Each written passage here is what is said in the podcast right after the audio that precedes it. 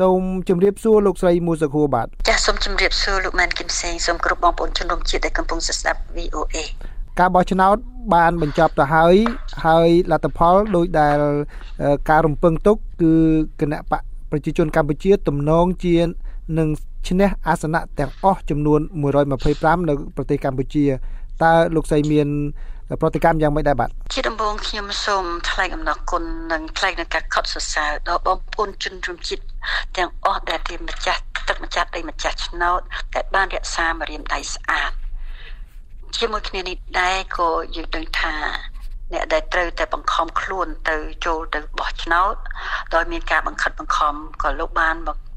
ទៅមែនក៏ប៉ុន្តែបានគូសសន្លឹកឆ្នោតអត់បានការ ដល់ច្រើនលឺលុបជាមួយគ្នានេះដែរយើងនិយាយដដែលហើយដដែលគឺលទ្ធផលនេះយើងរំពឹងទុកទៅហើយជាលទ្ធផលដែលរៀបចំដោយលោកហ៊ុនសែនដែលចង់ ឲ្យកាន់អំណាចបន្តទៅទៀតស្រែកឃ្លាននៅអំណាចទោះបីជាធ្វើឲ្យមានវិបត្តិសង្គមវិបត្តិសេដ្ឋកិច្ចវិបត្តិនយោបាយនៅប្រទេសកម្ពុជាយ៉ាងដូចម្ដេចក៏ដោយហើយលោកហ៊ុនសែនធ្លាប់បាននិយាយហើយទោះបីជាត្រូវបាត់បង់ជីវិតក៏ត្រូវតែធ្វើដែរចា៎ដូច្នេះអ្វីដែលជាការផាត់ ចោលនៃសម្លេងប្រជាពលរដ្ឋជាង3លានអ្នកនេះសហគមន៍អន្តរជាតិគេបានថ្កោលទោសគេបានសុំទុកពេលវេលាជូនដល់លោកហ៊ុនសែនដើម្បីឲ្យមានការសម្របសម្រួលជាមួយនឹងគណៈបកសង្គ្រោះជាតិគ្រប់ផ្នែកអីរោចម្លើយអ្វីលំនោះស្រ័យអ្វីដើម្បីឲ្យគណៈបកសង្គ្រោះជាតិចូលរួមនៅក្នុងការបោះឆ្នោតឥឡូវអត់មានទេ ហើយរហូតទៅដល់យកអាសនៈទាំងអស់ ជាមួយគ្នា បងហើយឲ្យឃើញថានេះគឺជាការមួយមិនត្រឹមតែបាត់លទ្ធិប្រជាធិបតេយ្យនៅប្រទេសកម្ពុជាទេក៏ប៉ុន្តែបំពេញលើរដ្ឋធម្មនុញ្ញបំពេញលើកិច្ចព្រមព្រៀងទីក្រុងប៉ារីសដែលបានចែងច្បាស់ណាស់អំពីប្រទេសកម្ពុជាយើងត្រូវតែមានជាប្រជាធិបតេយ្យសេរីពហុបកពហុបកចានឹងទុកឲ្យលោកលោកហ៊ុនសែនលោកលេងលបែងខ្លួនឯងចោះជាមួយគណៈបកប្រជាជនកម្ពុជាចោះក៏ប៉ុន្តែយើង យើងយើងមិនអាចទុកឲ្យរបៀបនេះទេយើងត្រូវតែរកដំណោះស្រាយជូនប្រទេសជាតិយើង បាទលោកស្រីនៅក្នុងសេចក្តីថ្លែងការណ៍ក្រោយពីការបោះឆ្នោតហ្នឹងគឺខាងគណៈបកសង្គ្រោះជាតិបានស្នើសុំឲ្យសហគមន៍អន្តរជាតិដែលមានជាអាចអង្គការសហជីវជាតិសមាគមអាស៊ានហើយនិងសហភាពអឺរ៉ុបហ្នឹងមិនទទួលស្គាល់ឬក៏បដិសេធចោលលទ្ធផលឆ្នោតនេះហើយមកដល់ពេលនេះគឺមានប្រតិកម្មជាបណ្ដាបណ្ដាដូច្នេះតើអ្វីទៀតក្រោយពីប្រតិកម្មថាមិនទទួលស្គាល់ហ្នឹងហើយដែលលោកស្រីចង់ឲ្យអន្តរជាតិធ្វើចំពោះប្រទេសកម្ពុជាយើង ចង់ឲ្យមានការបោះឆ្នោតមួយដ៏ត្រឹមត្រូវសេរីនិងយុត្តិធម៌ដែលអន្តរជាតិលោកត្រៀមខ្លួនគ្រប់ សេចក្តីថ្លែងការណ៍ទាំងអស់គេថាគេនៅតែត្រៀមខ្លួនឲ្យជំរុញឲ្យមានការមានលទ្ធិប្រជាធិបតេយ្យនៅប្រទេសកម្ពុជាមានន័យថាគេចង់ឲ្យមានការបោះឆ្នោតសារឡើងវិញរកដំណោះស្រាយជាមួយគ្នាក្នុងភាគីយើងជាខ្មែរដូចគ្នាហើយចំពោះគណៈបកសង្គ្រោះជាតិវិញយើងយល់ឃើញថាការងាររបស់យើងត្រូវតែបន្តទៅទៀតដូច្នេះហើយបានជាខ្ញុំឥឡូវនេះនៅទីក្រុងកាកាតាប្រទេសឥណ្ឌូនេស៊ីសប្តាហ៍មុនខ្ញុំនៅប្រទេសម៉ាឡេស៊ីគឺជាប្រទេសនៅអាស៊ានដែលគេមានរដ្ឋាភិបាលគេដោយស្របច្បាប់ដោយត្រឹមត្រូវដោយបោះឆ្នោតដោយសេរីត្រឹមត្រូវនៃយុត្តិធម៌ជាហើយគេជាប្រទេសដែលរងគ្រោះនឹងអំណាចផ្ដាច់ការយោធានិយមលក្ខណៈនេះដូច្នេះយើងមកនៅអាស៊ាន ហើយជម្រាបទៅអាស៊ានថារឿងសិទ្ធិមនុស្សនិងលទ្ធិប្រជាធិបតេយ្យជារឿងសកល តែមិនមែនជារឿងអាស៊ានឬប្រទេសណាមួយទេខ្ញុំខ្ញុំចាប់អារម្មណ៍ចាចាបាទខ្ញុំចាប់អារម្មណ៍ខ្លាំងត្រង់លោកស្រីមានប្រសាសន៍ពាក់ព័ន្ធនឹងការរៀបចំការបោះឆ្នោតឡើងវិញបាទនេះគឺជាអ្វីដែលខ្ញុំមិននិយាយតំណាងប្រជាពលរដ្ឋប៉ុន្តែបើតាមខ្ញុំដឹងខ្ញុំបានខាងខ្ញុំបានទៅយកព័ត៌មានហ្នឹងគឺជាចេតនានៃការចង់បានរបស់ប្រជាពលរដ្ឋមួយចំនួនផងដែរប៉ុន្តែតើអ្វីទៅកត្តាអ្វីទៅ ដែលធ្វើឲ្យលោកសីហាក់ដូចជាមានជំនឿជឿជាក់ថាសហគមន៍អន្តរជាតិនឹងអាចបង្ខំឬក៏ដាក់សម្ពាធឲ្យរដ្ឋាភិបាលកម្ពុជាមករៀបចំការបោះឆ្នោតឡើងវិញមុនអាណត្តិ5ឆ្នាំនោះបាទដូចជាអ្នកវិភាគបានវិភាគច្រើនដងណាស់ទៅហើយគឺនៅក្នុងការដាក់សម្ពាធរហូតទៅដល់សេដ្ឋកិច្ចការភាពឯកោនៃប្រទេសកម្ពុជាយើង ការអត់ឃ្លានការនៅក្នុងការរក ទទួលទាននៅក្នុងការបាត់ការងារនេះមិនមែនជារឿងរបស់ដែលបង្កើតឡើងពីគណៈបកសង្គ្រោះជាតិទេគុំច្រឡំច្រឡំឲ្យសោះពីព្រោះគេមិនបាន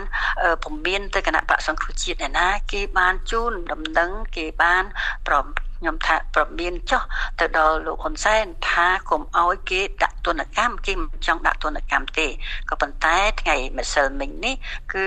លោកបានឈានទៅឲ្យជំរុញឲ្យប្រទេសអឺរ៉ុបសហគមន៍អឺរ៉ុបក៏ឈានទៅដល់ទនកម្មសេដ្ឋកិច្ចហើយដូច្នេះអ្វីដែលជាការយើងយល់ឃើញថា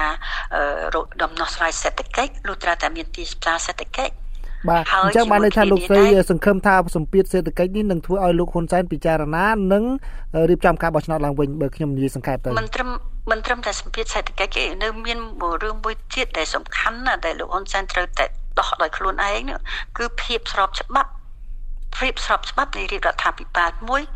ដែលមិនបោះឆ្នោតមិនត្រឹមត្រូវមិនសេរីនឹងមតិទិដ្ឋដែលលោកហ៊ុនសែនចង់ អូសប្រទេសកម្ពុជាអូសរាជរដ្ឋាភិបាលរបស់លោកចូលទៅ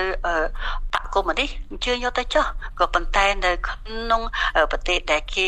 មានលទ្ធិប្រជាធិបតេយ្យពិតប្រាកដរដ្ឋាភិបាលគេជារដ្ឋាភិបាលស្របច្បាប់មានលទ្ធិប្រជាធិបតេយ្យมันអាចគេមិនអាចទទួលយកបានប៉ុន្តែអ្វីដែលគណៈបកប្រជាជនកម្ពុជាអ្វីដែលគណៈកម្មាធិការជាតិរៀបចំការបោះឆ្នោតមានមោទនភាពនឹងលើកឡើងជាខ្លាំងនោះគឺចំនួនអ្នកចេញទៅបោះឆ្នោតនេះទៅដល់ជាង80% គណៈបកដែលចូលរួមនឹងគឺមានរហូតដល់ទៅ20គណៈបកហើយសម្លេងដែលបោះបោះជូនគណៈបកប្រជាជនកម្ពុជានឹងគឺបានគ្រប់គ្រាន់នេះគឺជាភាពស្របច្បាប់មួយទៅហើយបាទអត់ទេមិនស្របច្បាប់ទេសូមបៃតោសូមជម្រាបថាការកោជបនៅថ្ងៃតាំងពីរំលាយគណៈបកសង្គ្រោះជាតិហើយជើឃើញតែមានសមាជិកកោជប3រូបដែលលាលែងហើយចំនួនទៅវិញដោយអ្នកណា ដោយគណៈបកហ្វុនស៊ីពិកដែលមិនមែនជាគណៈបកដែលមិនចែងនៅក្នុងរដ្ឋធម្មនុញ្ញជំពូក15និយាយថាគោជបត្រូវតែមានតំណាង4នាក់4រូបមកពីគណៈបកកណ្ដាលអំណាច4រូបទៀតមកពីគណៈបកមិនកាន់អំណាចហើយគណៈបកហ្វុនស៊ីពិកអត់តែមានកៅអីផងណាលួចកៅអីគេយកមកដាក់ដូច្នេះយើងឃើញថាគោជបទាំង9រូបនេះ ក្រោមតែមានគណៈសង្គមស៊ីវិលមួយរូបដែលនៅក្រោមសម្ពាធគេនោះសិតតែជាគណៈបកប្រជាជនកម្ពុជាទៅហើយដូច្នេះស្របច្បាប់ត្រង់ណាវាផ្ទុយនឹងរដ្ឋធម្មនុញ្ញទី1ទី2គោជបដែលមិនស្របដែលសិតតែគណៈបកប្រជាជនកម្ពុជាគណៈ ការរៀបចំការបោះឆ្នោតនៅខេត្តនៅសង្គមនៅការិយាល័យឃុំសង្កាត់ហើយនឹងនៅការិយាល័យបោះឆ្នោតសិតតែរៀបចំតំណាងរបស់គណៈបកប្រជាជនកម្ពុជាហើយភាគច្រើនអ្នកដែលសង្កេតការមកពីសមាគមនិងអ្នកដែលពាក់ព័ន្ធជាមួយនឹងគ្រួសាររបស់លោកលោកហ៊ុនសែន ហើយជាមន្ត្រីនៅក្នុងសមាគមទាំងអស់នោះសិតតែមន្ត្រីដែលជាក្នុងរដ្ឋាភិបាលដូច្នេះអង្គការក្រៅរដ្ឋាភិបាលនេះជាពិតប្រកបគោជបมันអាចទទួលឲ្យធ្វើជាអ្នកឯករាជ្យមកសង្កេតការជូនដល់គណៈបកនយោបាយណាមួយទេស្របស្របត្រង់ណាបាទសំណួរចុងក្រោយលោកសេរី លោកស្រីក៏បានលើកឡើងពីខាងដើមហើយនៅក្នុងសេចក្តីថ្លែងការណ៍ហ្នឹងក៏បានលើកឡើងទទួលស្គាល់ពីការភ័យខ្លាចរបស់ប្រជាពលរដ្ឋមួយចំនួន ដែលរងការគំរាមកំហែងហើយសុកចិត្តទៅបោះឆ្នោតបើទោះបីជាគាត់ទៅបោះឆ្នោតដោយគូសចោលឬក៏យ៉ាងម៉េចក៏ដោយនេះក៏បង្ហាញនៅចំនួននៃការទៅ បោះឆ្នោតនឹងច្រើនដែលបំពេញឲ្យចំនួនគេហៅថាអ្នកចេញមកបោះឆ្នោតនឹងច្រើនដូច្នេះខ្ញុំចង់ផ្ដោតទៅលើការភ័យខ្លាចរបស់ប្រជាពលរដ្ឋគឺបានន័យថាការភ័យខ្លាចគឺពិតជាមាននៅក្នុងប្រទេសកម្ពុជាតើបន្ទាប់ពីនេះទៅលោកស្រីចង់ឲ្យប្រជាពលរដ្ឋធ្វើយ៉ាងម៉េចទៀតក្នុងពេលដែលគាត់កំពុងតែភ័យខ្លាចនៅក្នុងប្រទេសស្រាប់ទៅហើយនោះបាទខ្ញុំសូមបញ្ជាក់មួយទៀតគឺអ្វីដែលកោជបអាចកែទូរលេខបាន តែប៉ុន្តែទូកោជបមិនអាចមកប្រាប់យើងថាម្សិលមិញនេះមានប្រជាពលរដ្ឋ80%ទៅបោះឆ្នោតទេពីព្រោះនៅក្នុងការិយាល័យដែលជាឃើញគឺថាម៉ោង9ម៉ោង9ម៉ោង10ហ្នឹងគឺមែនទែនត្រូវតែម៉ោង8 9 10ហ្នឹងគឺតែពេញមនុស្សហើយបើសិនជាមាន80%ចឹងលោកស្រីអត់ជឿលើតួលេខហ្នឹងទេណាអត់កើតទេអត់កើតទេពីព្រោះគាត់ តួលេខនឹងបំផោងយ៉ាងម៉េចក៏បានដែរក៏ប៉ុន្តែជាការជាក់ស្ដែងអញ្ជើញមើលមើលការិយាល័យនៃការបោះឆ្នោតតើអឺមានមនុស្សចូលចូលប្រមាណតែទាំងលោកស្រីគិតថាប្រហែលជាប្រហែលជាប្រមាណភាគរយបើតាមការប៉ាន់ស្មានរបស់លោកស្រីពាក់កណ្ដាលហ្នឹង40 40%យ៉ាងយ៉ាងច្រើនពីព្រោះយើងមើលពីមុនមុនមកដើម្បីឲ្យបាន80%គឺអត្រានេះខ្ពស់យើងឃើញថាប្រជាពលរដ្ឋគាត់